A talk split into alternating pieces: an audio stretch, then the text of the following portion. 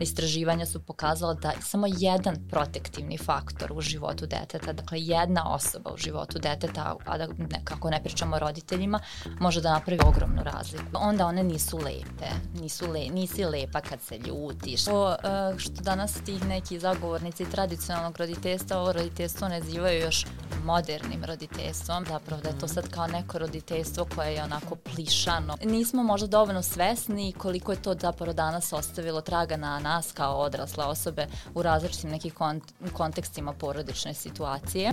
Nekako se izgube u, u tom odraslom dobu zato što su previše dugo vremena povlađivali drugima i izgubili su taj, tu svoju neku unutrašnju nit. E, mislim da je krucijalno da naučimo određene stvari koje mi nismo naučili u našem detinjstvu, dakle da prekinemo taj niz nekih bespotrebnih, nekorisnih, e, destruktivnih poruka koje su nama možda bile upućivane i da ih ne upućujemo nekim narednim generacijama. Poslušno dete je zapravo produkt dimenzije kontrole i rigidnosti. Kada dete manifestuje bilo koje ponašanje koje je izvan onog okvira da je to dobro dete, Šta se zapravo dešava u pozadini? Jer kada je dete već etiketirano, ono već prosto i samo je naviklo na to i ono nastavlja da radi šta radi. A kako roditelj treba da reaguje? E, pa to je jako kompleksno pitanje.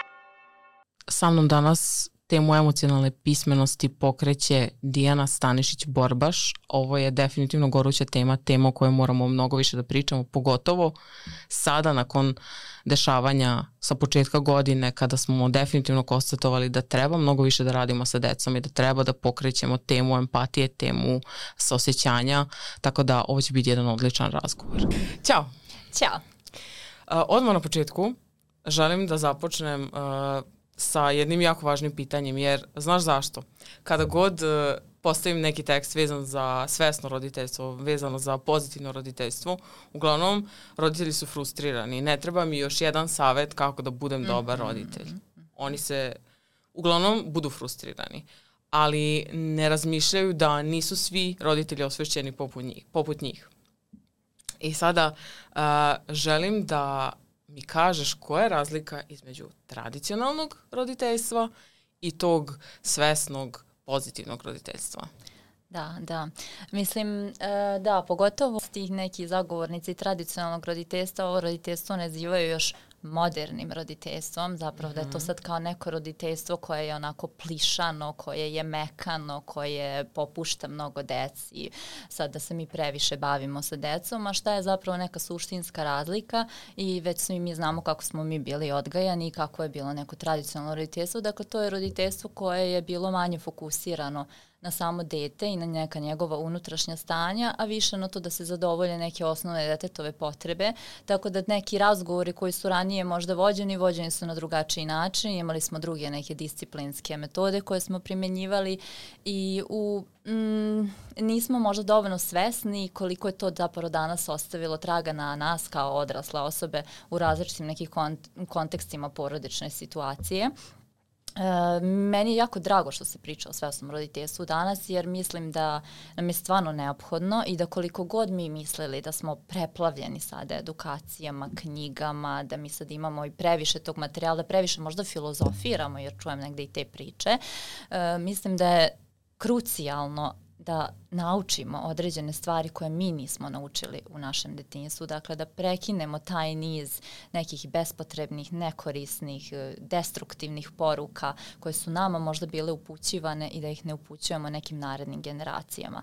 Jer i ta naša deca će sutra odrasti i svi bismo mi svi mi naše deci želimo najbolje i svi bismo voleli da nam deca odrastaju u drugačijem vremenu, ali to vreme činimo mi čini ovo društvo i ta deca koja će odrastati i iz tog razloga su te edukacije, knjige, pohađanja, učenja zapravo razvoja roditeljstva, znači da roditelji negde prepoznaju i koje su njihove jake strane jer to će njima možda pomoći i bit će samopouzdaniji i u tom odnosu roditelj-dete i dete će e, negde se osjećati sigurnije i osjećat će se da ga čujemo I onda kada dođe u neko tinejdžersko doba, kada se onako oni polako migolje, imaćemo dete koje će imati puno poverenja u nas, da nam kaže određene stvari, da nam kaže šta ga muči, a nema, nema boljeg rezultata od toga kada vi sa vašim detetom možete da porazgovarate. Sililo mi u glavi da kada sam napisala tekst, na temu da deca, da fizička kazna je neprihvatljiva i da deca mm -hmm. zaista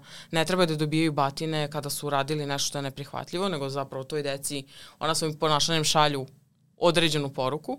Okay. Puno komentara je bilo da ja sam dobijala batine kad sam bila mala, ja, mene su roditelji isto tukli i spala sam sasvim okej. Okay. Zašto? Nije okej. Okay. Znači, mi ne vidimo da je to nešto što smo mi u našem detinstvu, kroz šta smo prolazili, da je to pogrešno, nego mi sad samo nastavljamo da kopiramo bez uopšte stavljanja na kantar. Daj da vidim i ovo drugo mišljenje.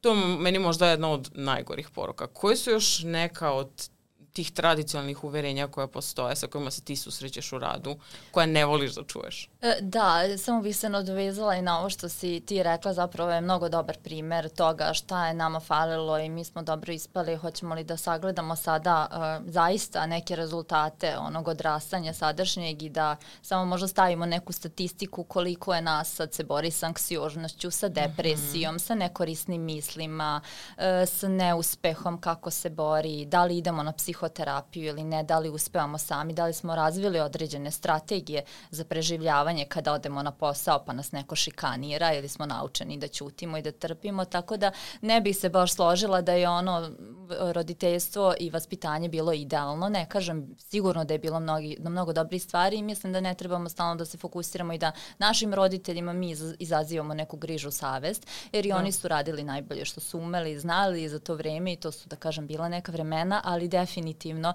je određeni pomak koji se sada dešava mnogo važan i mislim da o tome i treba da se govori. Uh, one poruke koje ja najčešće čujem pošto radim jel, sa decom i radim baš konkretno vezano za socioemocionalne veštine u, u radu sa decom. E, to su one standardne poruke podele emocija po polu. Dakle, kao što imamo, ne, kao što imamo boje u koje oblačimo devojčice i dečake, tako imamo podele koje su uh, emocije dozvoljene za devojčice, a koje su emocije dozvoljene za dečake. Pa, ne znam, primjera radi uh, dečak, ti si jak, ti si bre momčina, kako ti mhm. sad da plačeš, pa si vidio neka tatu da plače. Mislim, zamislite to pitanje, da li si vidio neka tatu Taj da pritisak. plače. Tako je da, da, da je ono, ni, nisi, nisi dečak, nisi, nemaš pravu mušku energiju ako ti plačeš. Zašto se stalno kenjkaš, smizdriš, ajde ne budi devojčica. Znači ta neka poređenja da su, da je ta određena emocija, konkretno tuge ili taj neki plač, da je ona rezervisana za devojčice. Sa druge strane, kod devojčica uočavamo drugu krajnost, a to je da kada devojčice plaču, to ne smatramo slabošću, već nekako smatramo da je to ženstveno, dirljivo, damski, mi smo brižne, mi smo tako krhke kao princezice, ali kada imamo devojčice, a imamo ih, to je super, koje se mršte, koje se bune, koje onako ne daju, koje imaju neku tu dečačku energiju, opet jedna od, da kažem, nekih stereotipa kao dečačka energija, dakle samo je da. rezervisano za dečake, e, onda one nisu lepe, nisu le, nisi lepa kad se ljutiš, to ne treba devojčicama, osmeh na lice. I e, mislim da su te poruke ukoliko se jako često govore, znači ukoliko je to neki narativ koji odrasli upućuje detetu, ukoliko dete odrasta sa tim porukama, e, krucijalan za to kako će se ta odrasla osoba ponašati u budućnosti i zašto imamo posle možda te devojčice koje su odrasle devojke, a koje e, ne umeju da kažu ne, ne umeju da se zauzmu za sebe, možda one osjećaju da ih nešto žulja, da tu nešto nije kako treba, ali taj neki sindrom dobre devojčice koji je negovan u detinstvu i zapravo sprečava, blokira to da oni iskažu neke svoje želje, interesovanja, potrebe, nego su tu više da, da ugađaju, da budu tu, da e, prosto imaju tu neku ulogu zaštitničke majke, mame i, i tako to. Tako da to su neke poruke koje ja najčešće čujem u radu, e, naravno one poruke poput ali dobro, to ćemo se dotaći kasnije, jel, vezano za neke druge teme, ono, ako te udariti, vrati uh, i tako neke da, poruke da, da. sa kojima smo takođe mi odrastali. e, mislim da ih ima pre, premnogo, ali i da se dosta sada o tome govori i da postoji taj jedan krug osvešćenih roditelja, a mi smo tu da ga samo širimo. Jel? Jeste, to se slažem, da stvarno je velika odgovornost sada na, na ovim roditeljima koji od, odrastaju ovim novim generacijama da jednostavno preokrenu te stvari.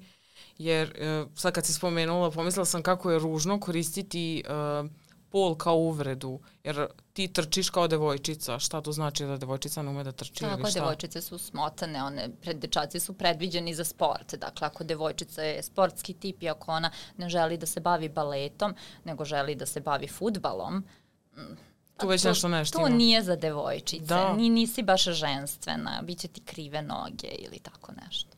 Koliko je to ukorenjeno? A sada kada neko dete odrasta sa takvim uh, sa roditeljem koji ima takvo uverenje, koji ima takve komentare, a da ne kažem da se ti komentari nekada šire na na ocenjivanje detetovih kompetencija, uh, ti da si samo malo pametnija uradila bi ti to mnogo bolje i zašto je Tamara dobila peticu, a ti nisi.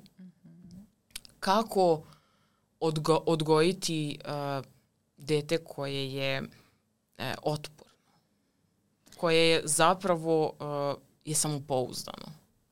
E, pa to je jako kompleksno pitanje, jer mm, mi sami znamo da vaspitavanje jeste da je da primarnu ulogu ima porodica, jer je prva emocionalna učionica tog emocionalnog opismenjavanja zapravo porodica i iz nje sve proizilaze druge, druge neke stvari, nakon toga dolazi i škola, neka šira okolina, vršnjaci.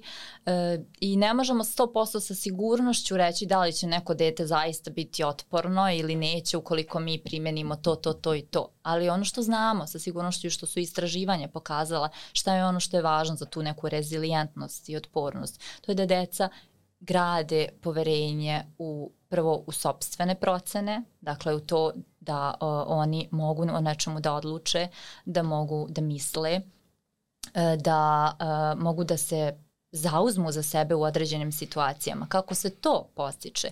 Od malih nogu e, o učenju, o emocionalnom svetu, učenju o našim unutrašnjim doživljama, jer dete koje ne ume da prepozna emocije kod sebe, kao prvo neće umeti da prepozna emocije kod drugih, e, neće umeti da, da samo izreguliše te emocije zato što apsolutno ne zna ni da one, ne zna ni šta mu se događa, on možda osjeća neke telesne simptome, e, ne znam, boli ga stomak, grči mu se telo, ima knedlu u grlu, preznojava se jer treba da ima kontrolni zadatak i misli da ga neće dobro uraditi, ali uh, ukoliko dete ne, ukoliko ne razgovaramo sa njim o tim temama, imamo i koliko se to ne neguje od tih nekih prvih početaka, a to je o, u toj nekoj porodičnoj klimi i atmosferi, e, nećemo moći da razvijemo otpornost. Naravno, nadalje se to usmerava kada dete već postane, da kažem, stariji, kada konflikti poprimaju određene neke uh, razmere koje će se sigurno dešavaće se razne izazovne situacije u školi, pa čak i u predškolskom, u vrtiću će se dešavati neki bezazleni konflikti da će deca zaista umeti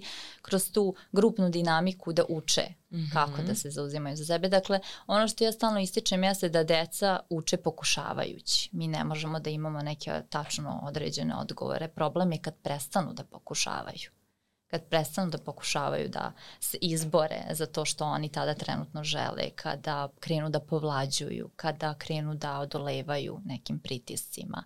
Tako da uh, mislim da je prva sigurna emocionalna baza zapravo ona koju dobijaju u porodici.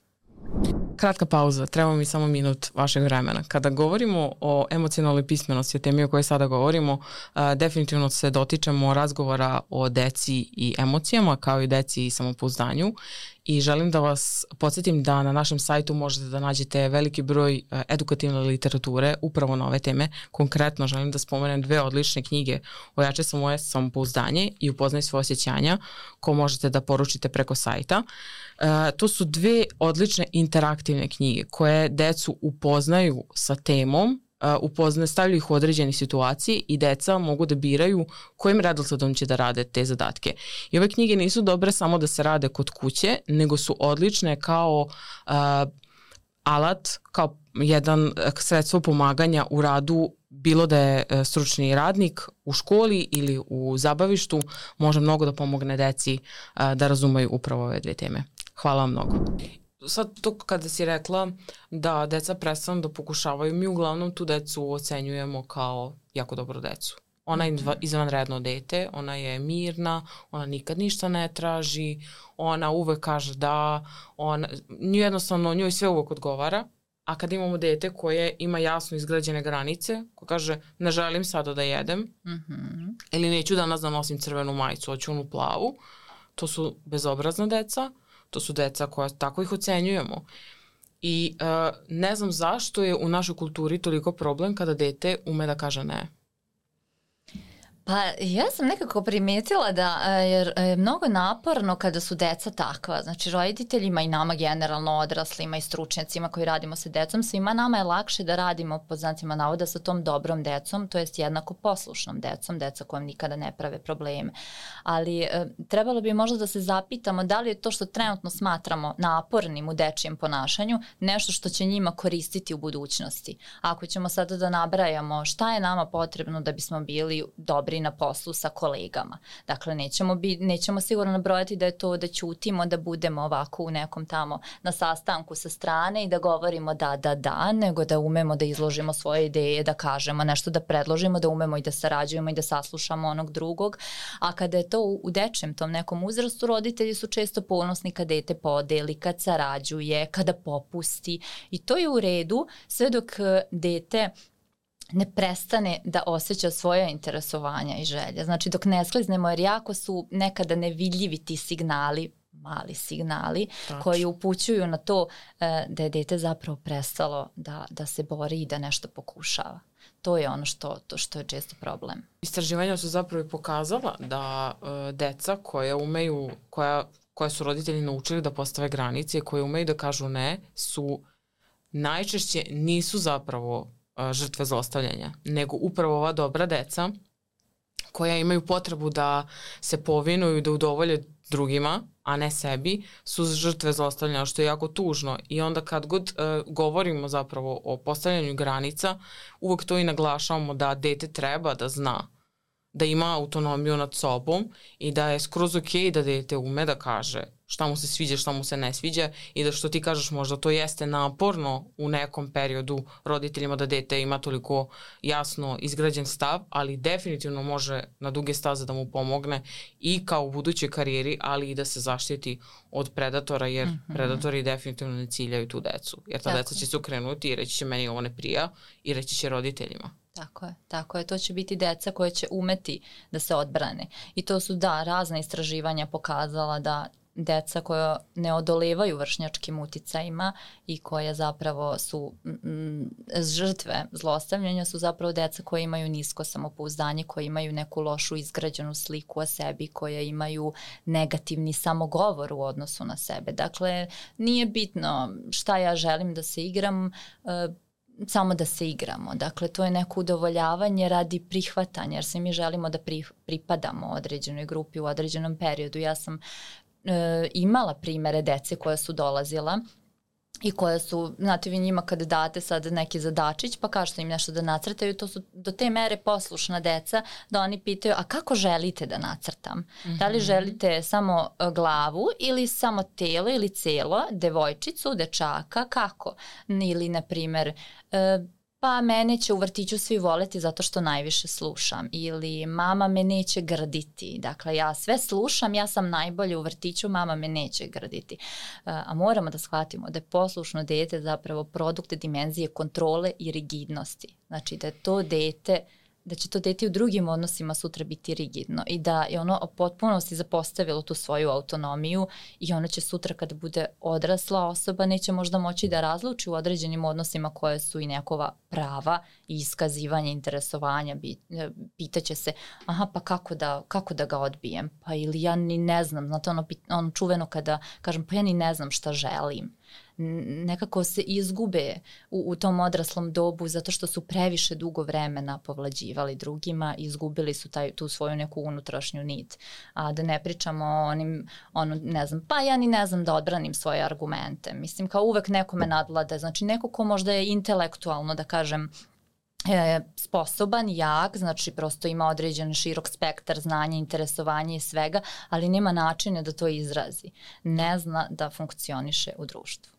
A kako mi možemo taj unutrašnji govor, pre svega da ojačamo kod deteta ili da ga naučimo možda Mm -hmm. da taj govor unutrašnji bude pozitivan, ne negativan. Od čega to i zapravo zavisi? E, pa to zavisi opet, jel, vraćamo se uvek na, te, na tu neku bazu i na tu, taj neki početak, a to je zapravo upoznavanje dece sa svojim emocionalnim svetom, upoznavanje dece sa time ko su oni, šta su oni, šta su osjećanja, šta su misli, znači nama se uh, javi određena misa, to je uh, na primjer, imamo neki događaj u školi, događaj je Marko me zadirkuje, Marko ga je zaista zadirkivao, misao je to nije fair, ja ne želim on to meni da radi. On meni to ne može da radi, ja to ne mogu da podnesem. Koja se emocija tu javlja, koja je proizvod te misli, to je ljutnja ili bes. Šta je ponašanje koje proizilazi iz te emocije, sad ću ja njega da udarim.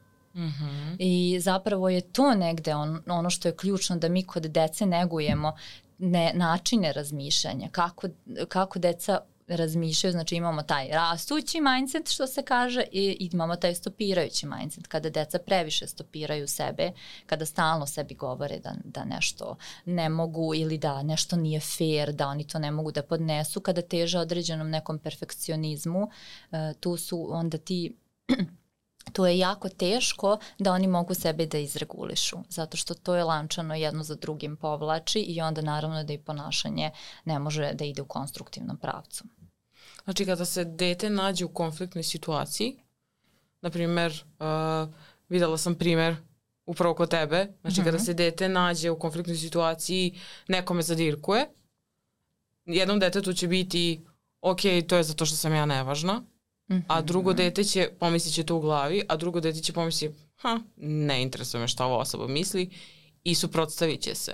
Tako je. Znači, to kako će dete odreagovati zavisi od toga šta će videti u porodici, jer roditelj može na neki način svojim primerom da... Tako je, roditelj ne da može, nego roditelj je definitivno prvi primer i mm -hmm. možda i drugi odrasli koji su u nekoj bliskoj okolini deteta, znači poruke koje roditelj šalje detetu, način na koji komunicira sa detetom, dakle ako je roditelj uh, komunicira sa detetom na način da kada dete nešto kaže, on kaže ma ne interesuje me ili uradi sad to i to ne zanima me ili šta mi mi sad tucmi, zašto praviš dramu oko toga, dete prosto uči da je to neki način komunikacije u kom on treba da se povuče i da je to neki normalan način komunikacije. Mi znamo za ona, jel, tri tipa komunikacije, pasivni, agresivni asertivni i to je baš upravo ono što si ti sad spomenula. Mm -hmm. Spomenula si taj pasivni način kada se deca stalno povlače u konfliktima, udovoljavaju drugima i imamo taj agresivni način kada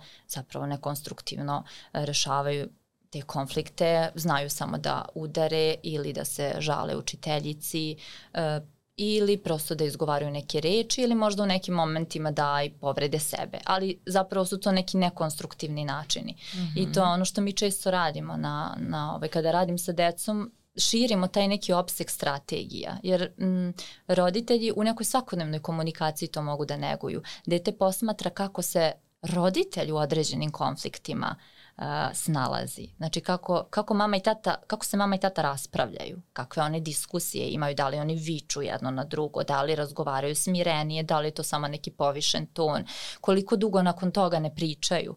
Dakle, oni stvaraju neku sliku i neku bazu u kojoj oni kasnije jel, i u druge modele odnosa oni prosto unose određena uverenja koje su stekli iz tog prvog ranog perioda.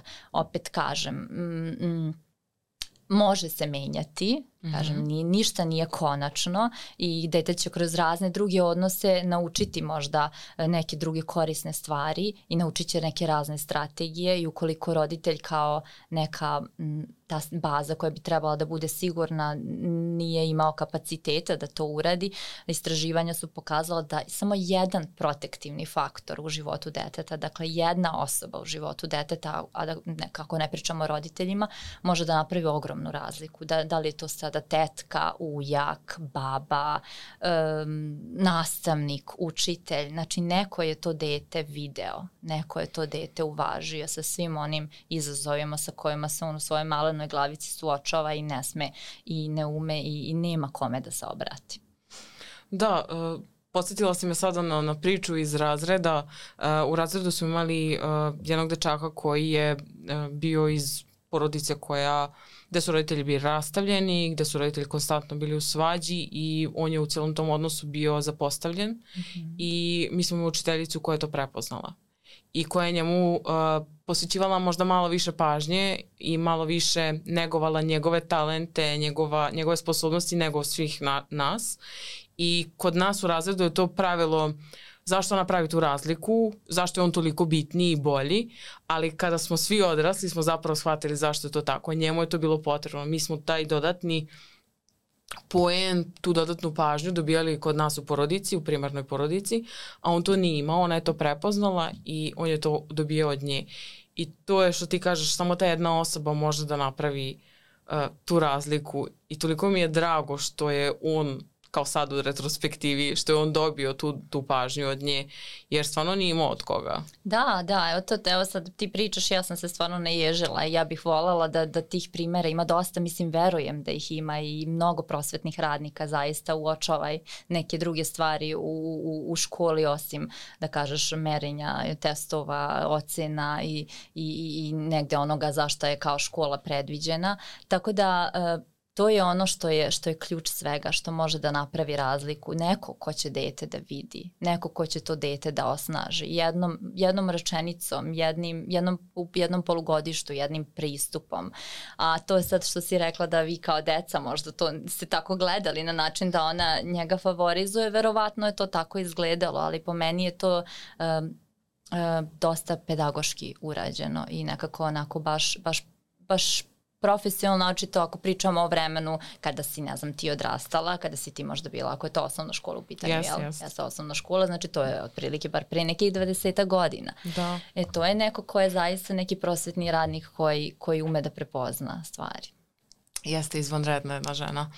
A, a ta deca koja su tako u porodici doživljavaju neku nepovoljnu situaciju. Ne mora to da bude ništa brutalno poput zlostavljanja. To može da bude bilo šta, recimo roditelji se redovno svađaju ili roditelji su pred razvod ili roditelji su razvedeni. Mm -hmm. Da se često manifestuju neka, da kažemo, uh, imaju neki problem u ponašanju jako ne želim nikada da zvučim osuđivački kada pričamo da, o toj deci. Da, neprilagođeno ponašanje, možemo da. eto tako da nazovemo, da. I mi smo jako brzi da svi mi kao generalno, da li će to biti možda uh, nastavnik koji ima samo jedan čas nedeljno sa tim detetom i oceni ga kao on je strašno nevaspitan, on se, on ne sluša.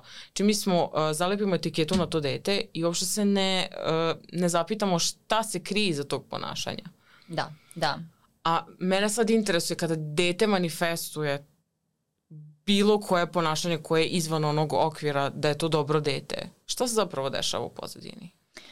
U pozadini se dešava jedna borba borba unutar sebe koje dete ne zna, ne zna kako da se izbori jer dete nema dovoljno kapaciteta uopšte da se izbori samo. Mi sami znamo da mi kao odrasli često nemamo kapaciteta nekada da neke stvari rešimo pa se obraćamo nekom stručnjaku, a zamislite tek dete kojem, kojem je mozak nedovršen, dakle nije razvijen, koje je tek ono u nekom razvoju, koje možda nema veštinu samokontrole, koje uviđa da ga nešto žulja, ali niti zna da to imenuje, da verbalizuje, ako još nema dodatno kome da se obrati, ako je znači u primarnoj porodici problem, vrlo često eh, je to dete koje će e, svoju pažnju da usmeri na to da pažnju drugih privuče na neki nepovoljan, odnosno da kažemo taj neprilagođeni način i naravno mi tad, da, kao što si rekla, tu decu čak nekada neku decu etiketiramo kao hiperaktivnu, zapravo mm -hmm. hiperaktivnost je jedan poremećaj, mislim, kojim se bave drugi, drugi vidovi stručnjaka, ali mi za dete koje je jako aktivno, mi često imamo ono i na ulici, vi čujete, on je hiperaktivan. E, tako da nekako mnogo lepimo te etikete, a zapravo ni ne znamo o čemu se radi i pozadini se vrlo često krije jedna velika borba, jer je, jer je to dete, jer se to dete guši. Guši se i ne zna kako ni da izrazi te emocije, ni šta da radi sa njima, a šta se onda dešava kada su te emocije možda blokirane, potisnute, kada nemaju dozvolu da izađu, one, one ne nestaju, znači one se samo zadržavaju u telu. Mm -hmm. I šta se mhm. dešava, to dete može početi da razvija neku m, psiho, neku, da somatizuje, znači u neku vidu neke tenzije, napetosti, bolova, um, počeće prosto da, um, da, da prikazuje uh, određene neke um, određene neke signale koje će odrasle da upute na to da je dete možda da ima neki zdravstveni problem. To smo vrlo često mogli da čujemo u praksi. Odvedete dete kod lekara i kažete on stalno ima problem sa stomakom kad god treba da se vrati kući, na primjer, jer zna šta ga mhm. čeka, ili da se vrati u školu ako je neki školski problem, neko nasilje u pitanju ispregledaju celo dete od glave do pete i shvate da nema ništa. Znači da je faktor neki iza, da je zapravo neki veliki stres. I taj stres se neretko tumači kao, kao to neko nepoželjno uh, ponašanje koje mi moramo odmah da popravimo. Dakle, odmah moramo mi nešto da. tu da uradimo jer to je nedopustivo.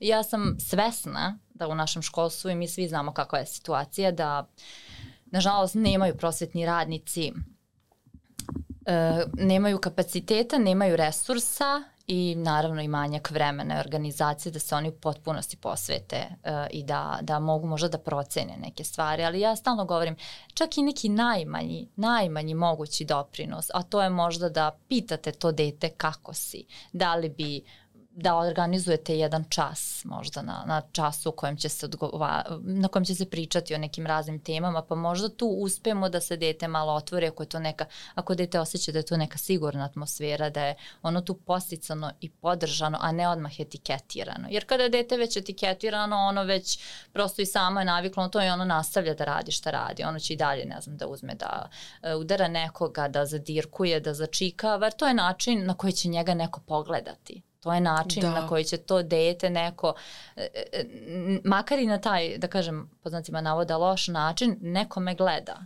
Imam, imam određenu pažnju i sve dok tu pažnju imam jer mi je ona potrebna. Ja moram da crpim negde, uh, uh, uh, moram da crpim negde ta, tu neku uh, snagu mislim da je onda u tom, u tom smislu jako, jako važna ta uloga nekoga sa strane ko provodi dodatno vreme sa decom ako nije roditelj baš uh, te, to etiketiranje dece, koliko ne obraćamo pažnju šta govorimo o njihovom prisustvu, tipa on je i ona, ko je on najgori u razredu? Mm -hmm. Ti svakako uvek dobiješ keca, šta se sad tu i onako znamo da ništa nisi učio ili uh, šta ti je sada, ti si uvek bila dobra. Mm -hmm. Ne obraćamo pažnju da deca zapravo veruju u to što čuju, u te etikete uslovno rečeno i pokušavaju da održe taj ugled, što je jako strašno.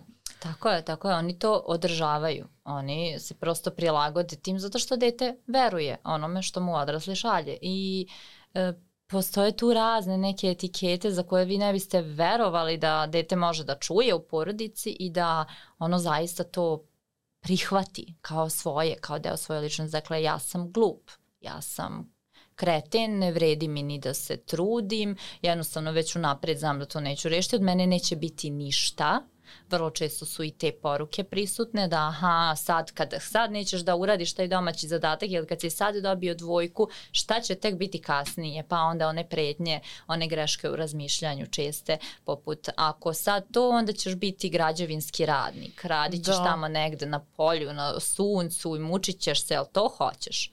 Tako da, um, koliko god da možda svi mi nekad imamo u, u odnosu prema e, svojoj deci tako neke rečenice koje možda nisu, nisu dobre, nisu korisne, toliko je jako važno da vodimo računa o rečima na, na koji način govorimo i koliko često upućujemo te poruke. Jer ako se one neguju, ako je to narativ roditelja prema detetu, dete nema drugi način da sazna da to nije tačno. Kako mi da pobijamo detetu to uverenje? Ja kao neko kojemu je nepoznat. Tačno. A i oni kada žive, uh, vraćamo se, kada žive sa tim porukama ceo dan, svaki dan, uh, vraćamo se na početak na samopouzdanje, znači njihovo samopouzdanje je skoro smanjeno, što znači da se ni u konfliktima neće pokazati dobro, znači to ono što čuju uh, od roditelja, pre svega u kući, utiče, utiče na ceo njihov život, što stavlja određen pritisak na roditelje.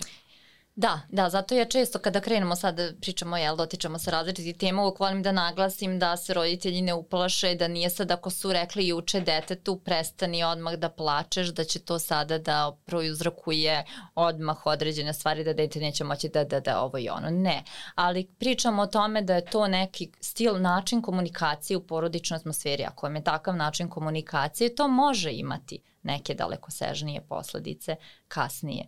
Uh, izvini, uh, pitala si me nešto, sad sam, sad sam malo skrenula sa, sa toka. Ne, nema veze, slobodno, ovaj, e, nije, pisim, bila je konstatacija, ali htela sam da kažem te poruke što deca čuju, to je jedna stvar ali one poruke koje, uh, kako roditelji odgovaraju na njihove poruke. I to mi je isto važno, jer imamo i decu koja su spremna da priznaju ja ne mogu danas da uradim moje domaće, ovo ništa ne razumem. Mm -hmm. I roditelji koji budu, ajde ne glupiraj se, šta ne razumeš? Ja sam to rešavao ko čale kad sam bio mali. Znači, ili dete koje dođe i kaže, meni svi, svi mi se ru, ru, rugaju u školi, ne znam, imam ružne patike.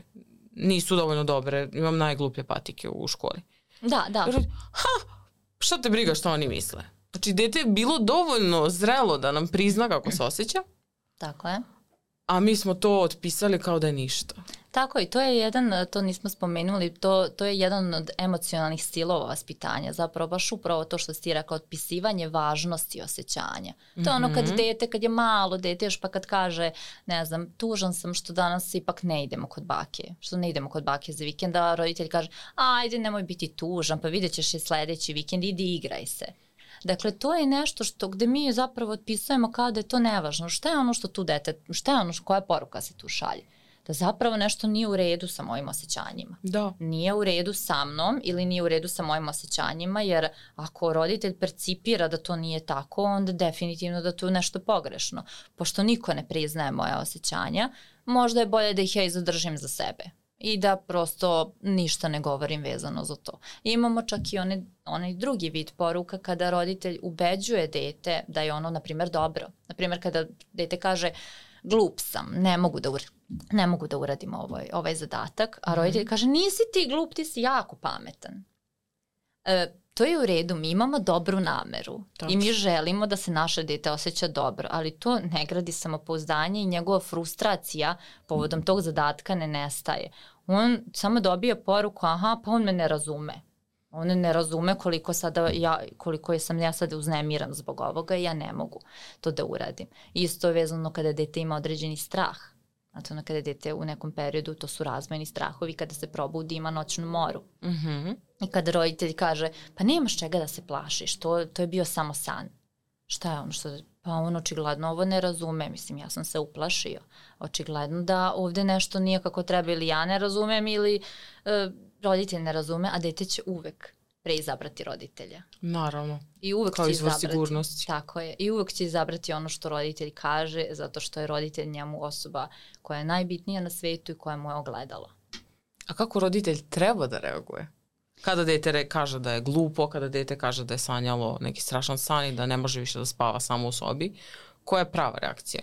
Pa u principu sad recept opet jel, na različito decu će različite stvari uticati, ali recimo ako dete kaže e, glup sam, ja to ne mogu da uradim, roditelj može da kaže a šta te navelo da razmišljaš na, tako? Hajde mm -hmm. sad da mhm. porazgovaramo o tome, zašto misliš da si glup? Pa onda bi bilo dobro da pravimo uh, neke paralele kada je dete ranije uradilo neki zadatak. Dakle, da li si ti, da li ti je svaki zadatak uvek bio težak? Šta misliš? Da li, e, da li je Novak Đoković nekada pogrešio? Da li je Novak Đoković, ako, e, da, evo sad je Novak Đoković kao primjer, ali može biti bilo ko da. gde dete ima neko interesovanje. Vrlo često sam, ovaj, ja to upotrebljavala sa dečacima koji vole futbal na primer, uh, pa u kontekstu, aha, da li je, da li je sad cela njegova karijera propala ako on na toj utakmici nije dao gol? Da li on samim tim glup, nesposoban, um, nikada više neće hteti da igra, neće moći, oni će ga svi ovako i onako gledati. Tako da mislim da su to neke poruke važne koje mi šaljemo detetu da uh, je, nije jednako kada nešto ne možemo da uradimo naša vrednost. To je razlika mm -hmm. između samopoštovanja i samopouzdanja. Dakle, samopoštovanje je ja, ja vredim iako ne mogu da uradim trenutno taj zadatak, odnosno čini mi se jako teškim, ne radi mi se, a samopouzdanje e, su naše sposobnosti. To je ono što je neka ključna razlika. Dakle, iako trenutno nemam neku sposobnost, ja i dalje vredim. A kako razvijamo sposobnosti? Razvijamo ih tako što vežbamo. Mm -hmm. Kao i sve drugo. Mislim, i deci, deci uvek treba davati te neke analogije, jer njima to jako interesantno primjera radi. Pa šta misliš, da li neko ode jednom u teretanu i da li on odmah dobije mišića onako da bude jak, snažan? Da li si ti nekad video da je to neko uspe odjednom? -hmm. Pa šta misliš, da li onda i to što si ti sad probao jednom da uradiš taj zadatak i video si da ti je teško, šta misliš da li je to sad i dalje? Pričamo naravno o osnovno školskoj deci, znači to su deca koja već umeju, sa kojima umete da razgovarate, da komunicirate, da razumeju određene koncepte mm -hmm. i neke stvari se mogu uraditi ali kroz određene igre. Ali pojenta je da, da roditelj usmerava, usmerava način detetovog razmišljanja, koje su bi, koje bi mu misli bile korisne, a koje su one koje su nekorisne. A e, važno je da se, da se ovaj, baš i fokusiramo na te blokirajuće misli koje se definitivno javljaju u detetovoj glavi i da e, spomenula si e, samo sabotažu mm -hmm. koja je generalno problem svih nas konstantno, mislim i odrasle osobe često uh, da od ponedeljka naravno da krećem u teretanu, ali u ponedeljak me nešto zabolala glava i nisam krenula u teretanu. Tako je. Uh, I sada, uh, kako možemo uopšte decu da krivimo? Kada ni mi nismo dosledni. Tako je, ni ne trebamo da ih krivimo. Mislim da je to ključno, tu nema nikakvog okrivljavanja, jer ipak mi kao odrasli imamo određenu sposobnost da percipiramo mm -hmm. određena naša ograničavajuća uverenja ili zašto mi sada, koji su motivi za našeg ponašanja, zašto mi nismo danas otišli u teretanu ili zašto nismo nešto drugo uradili što smo želeli, ali kod dece je to drugačije. Ako dete usvoji te misli koje im se stalno roje kao neki e, način razmišljanja, to onda može postati problem zato što dete prosto e, ne vidi da je da je moguće, procenjuje da je mali stepen kontrole u njemu. Mm -hmm. procenjuje, podcenjuje svoju sposobnost. Um, često nejasne događaje percipira kao preteće. Dakle, ha, taj kontrolni sada što treba dođe, sad se hvatamo kontrolnih, ali većinom su deca anksiozna vezano za školu, za određene ocene, testove i to. E, Mm -hmm, sad taj kontrolni što dolazi, pa svakako i prošli put sam dobio dvojku, a trudio sam se, učio sam, dakle to je neka poruka, eto kao nije uspelo i sad već unapred znam. E, čitala sam jednu zanimljivu studiju u nekoj knjizi još davno, o, baš je vezana bila za, za emocije, gde su rekli da su podelili uh, ljude u dve grupe. Jednoj grupi su uh, i rekli su da taj test meri inteligenciju, znači jednoj grupi su dali rešiv test, a drugoj grupi su dali nerešiv test. Zatim kad su to završili, obema grupama su dali test koji svi mogu da polaž, po, polože. Šta je bila poenta? Poenta je da ona, ona grupa koja je dobila nerešiv test na početku nije položila ni ovaj drugi test koji svi mogu da polože. Zašto? Kada mi procenjujemo e, naše sposobnosti da nisu dovoljne, mi ih ni ne koristimo, kao da ih i nemamo. A to je stvarno, to je stvarno i u dečijem uzrastu jako, jako zastupljeno. Znači da deca ni ne znaju koje sve kapacitete imaju. I to je jako važno negde kod njih negovati kako, znači tim nekim analogijama, e, kako možemo da e, sa tim nekim njihovim interesovanjima, pa sa vežbanjem, pa na primjer ja radim, ne znam, tamne naočare, svetle naočare, čak im onako ne, ne uzmem naočare, nego im napravim naočare kao od papira i onda kada stavimo tamne naočare, koje ti se misli javljaju na taj događaj? Naprimjer, pre toga je prethodi neka situacija koju je dete ispričalo ili smo ispričali svi zajedno u grupi i onda dete kaže, aha, pa nikad ovo neću moći, pa bolje da se ispišem odavde, uvek sedim na klupi kada je trening, trener nikad neće da me ubaci. Bolje da, mhm, mm dobro. A sad šta bi se desilo kada bi stavio svetle naočare? Šta, šta bi bilo? Svetle naočare mi objasnimo koncept, šta su to svetle naočare? Svetle naočare su one misli koje su nam pomažuće, koje nam pomažu da se usresredimo na cilj. Aha. Mm -hmm. I negde uh, tom uh, igricom, tom vežbicom pokušavamo da usmerimo dete da razmišlja da postoji drugi način i razmišljanja u istim situacijama. I da čak i nećemo, neće sva deca u istoj situaciji isto reagovati. To je isto, e, to je isto jako važno. Tu postoje i oni zanimljivi primjeri kada deci dajemo neke neutralne slike, mm -hmm. na primjer ako su to mlađe deca u pitanju, onda su češće slike životinja i pitamo ih šta misle čemu maca razmišlja. Na primjer, maca samo gleda u ribicu. I sad neko dete će reći, maci se spava, maca razmišlja o tome kako će negde dalje, na drugo će da kaže maca bi da smaže ribicu. Dakle, poenta te vežbe se da deca shvate da postoje različiti načini razmišljanja o istoj stvari i da mi negde to možemo da korigujemo i da dok dovoljno dugo radimo na tome mi možemo te nekorisne misli da pretvorimo u korisne. Bilo bi dobro i da ne dođe do toga da su to jel, stalno nekorisne misli, roj nekorisnih misli u glavi i da nisu prešle neke anksiozne misli, da nije nešto što je ozbiljnije, neki napadi panike, ali, ali eto to mogu biti možda neki primeri. A sad kad si spomenula decu i način na koji oni gledaju da postoje sad i tamne i svetle naočare, interesuje me sad u praksi, da li deca uspešno rešavaju taj zadatak? Da li, se, da li ima dece koja ne mogu da vide ništa pozitivno? Da, ima dece. Ima dece koja ne mogu da vidi ništa pozitivno i onda moramo da prosto pokušamo kroz neke druge vežbice, ali to vam je samo pokazatelj koliko je to dete sada već usvojilo taj način razmišljanja i koliko uh, ono ne vidi, ne vidi neku svetlu perspektivu, ne vidi, mm -hmm. ono vidi crno-belo, dakle ili je ovako ili je onako. To je jedna od karakteristika iracionalnih uverenja. Zapravo ili će ovako biti ili neće uopšte biti. I, i negde je tu važno onda nastavljati da osnažujemo decu. Dakle, postoje neka deca kod kojih je to lakše, kod kojih je teže, ali, ali može se raditi. Znači, može se uh, kompenzovati i može se korigovati.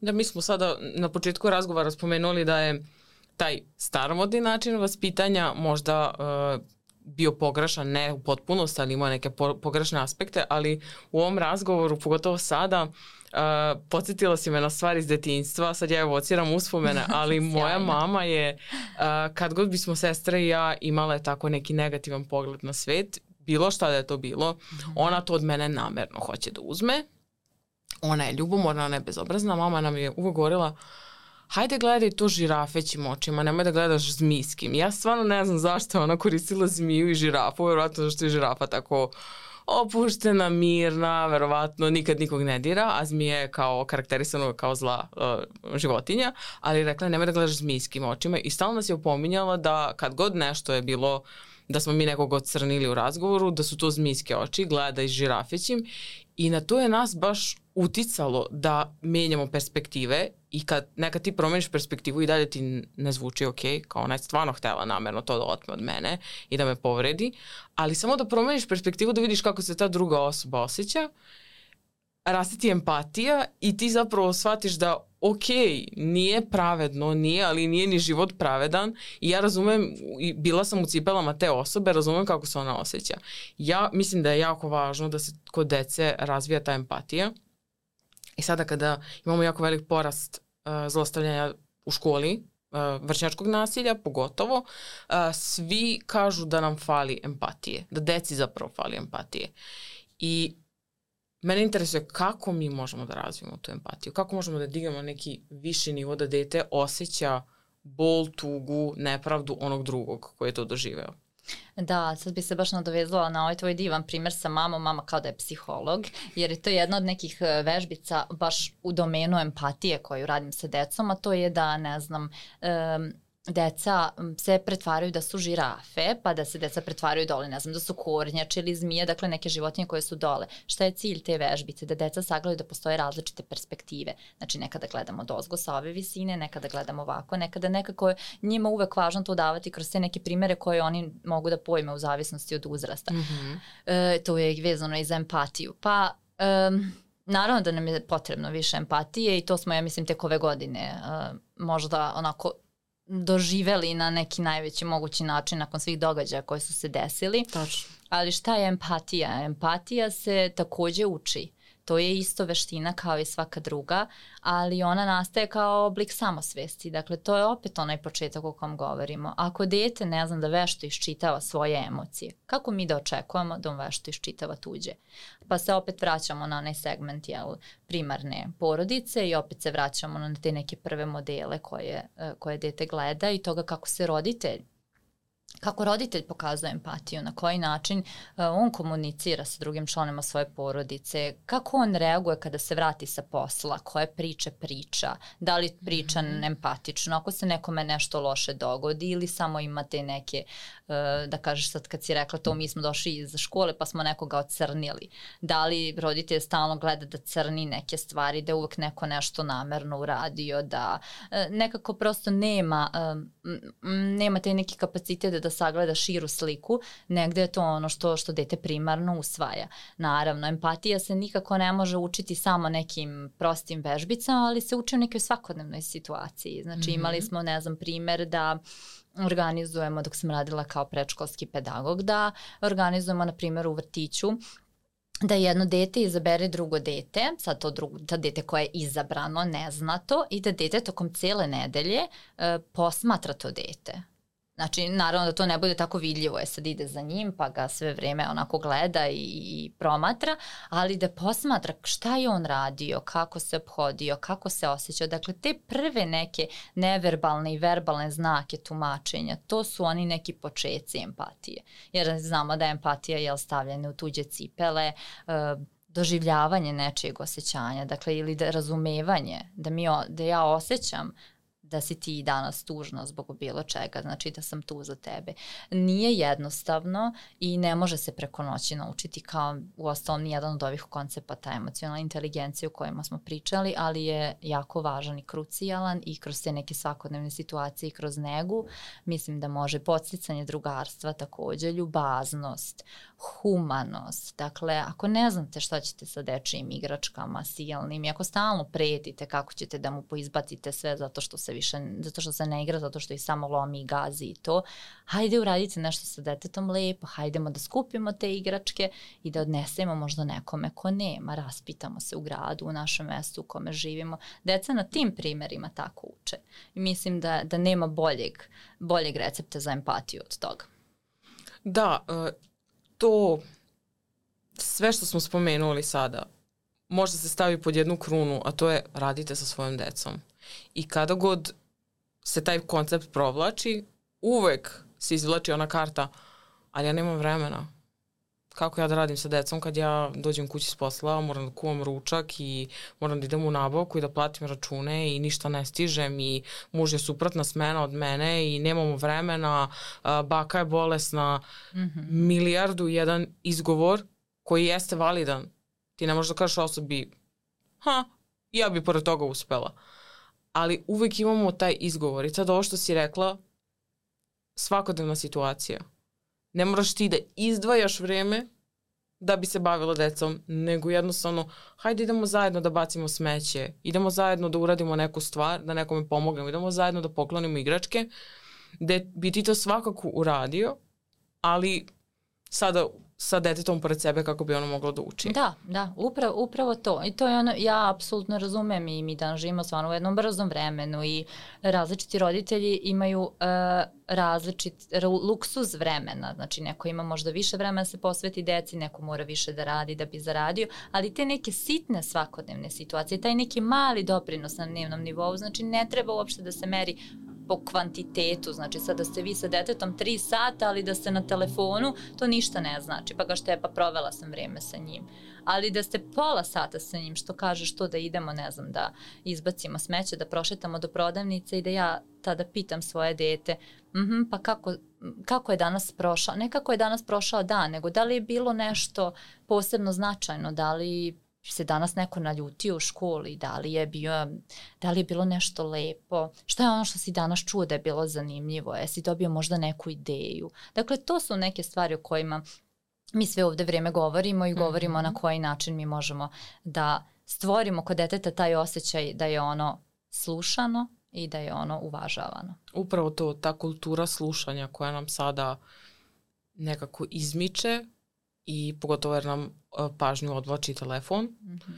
i mi jednostavno da, da, da, razumem ja sve to, samo moram sad da odgovorim na ovaj mail, a dete svo to vreme samo čeka da čuje nešto od roditelja. Jeste, jeste. Mislim, to su oni, čak i oni primeri, oni obični kada mi požurujemo dete da se spremi za vrtić. Ja znam, ajde brzo, mhm. brzo, brzo, brzo, brzo, brzo, obuj se, obuj se, obuj se i sad dete se razlači prirodno, onako, još sve što ga više požurujete, ono se sve više razlači, niti mu se ide u vrtić, niti mu se ide u školu, ne ustaje mu se iz kreveta i onda mi na kraju kažemo, ajde, ajde, ja ću ti pomoći, ja ću ti vezati petle, ajde, ajde, samo da izađemo iz kuće. Prosto to su neke stvari koje mi svi upadamo. Mislim, ja sam prva, jel sad, istina, roditelj 15-mesečnog deteta, ali upadnemo mi u te reakcije da žurimo, da prosto ne obraćamo pažnju, ali je dobro osvestiti to. U momentu kad to osvestimo, mi se vratimo u balans. Mi se vratimo, mm -hmm. kažemo, aha, čekaj, sad ta poruka stvarno može da pričeka. Ok, nekad neki poziv možda ne može, ali ta poruka može da pričeka, svet neće propasti, ja ću sad da pogledam svoje dete u oči i da saslušam šta ono ima da mi kaže. Jer to vam je stvarno ono, neki neprocenjivi dar, ja mislim, za budućnost. Evo, ja se stvarno nadam da će ove generacije naredne nama i pokazati da ovo svesno roditeljstvo imalo mnogo bolji uticaj na njih nego ono neko ranije. Upravo to. I sada za kraj bih voljela da nakon ovog razgovora mi kažeš e, koliko smo daleko od nekog ideala, jer e, tipa da se vratimo pre 50 godina ili pre možda 100 godina roditeljstvo i današnje roditeljstvo, koliko nam je još potrebno da negde uđemo u balans, kako bi ti ocenila da li dobro balansiramo između tog a, klišanog, mekanog, modernog roditeljstva i tradicionalnog ili nam je potrebno još edukacije ovako iz a, praktičnog rada? Da, odmah da kažem ideal ne postoji, da, mislim, Naravno. niti završeno roditeljstvo, niti bilo šta i mi ćemo, što, što isto važi za decu, isto važi za roditelja, neće se snaći. Pored svih metoda, tehnika, strategija, vežbica, nekad se neće snaći, neće umeti, neće uspeti, zabrljaće, bit će pasivno, bit će agresivno, tako ćemo isto i mi kao roditelji. Ali sve dok se trudimo, i dok pokušavamo i dok uviđamo naše greške, mislim da je to sasvim dovoljno. Što se tiče toga gde smo daleko, pa nekad imamo osjećaj da smo mnogo napredovali, Mm -hmm. Baš to ono što smo pričale na početku pre 10 godina kad sam ja e, diplomirala i kada sam birala teme, pošto sam diplomirala na temu emocionalne inteligencije u porodici, kada sam tražila literaturu, mnogo manje literature, edukacija, seminara, generalno e, tog nekog obrazovnog dela je bilo manje u vreme kada sam ja kretala da se bavim time e, nego sada. Dakle, imamo mnogo, mnogo nam je pristupačnije su nam informacije, mnogo lakše možda dolazimo nego što su naši roditelji pre 20-30 godina uopšte mogli. I to je negde, čini mi se, jako veliki napredak. E, sa druge strane, možda nismo dovoljno svesni koliko još roditelja nema pristup tim, uh, toj literaturi, znači svim tim resursima, materijalima ili koliko roditelja nije još otvoreno da proba. Jer nekako po defaultu to je onaj gard. Ma šta će mene neko da uči o roditeljstvu? Pa to se ne može učiti.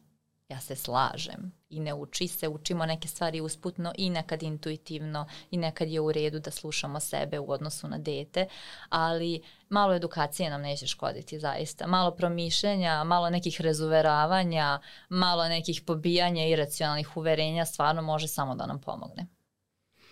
Hvala ti mnogo na ovom razgovoru.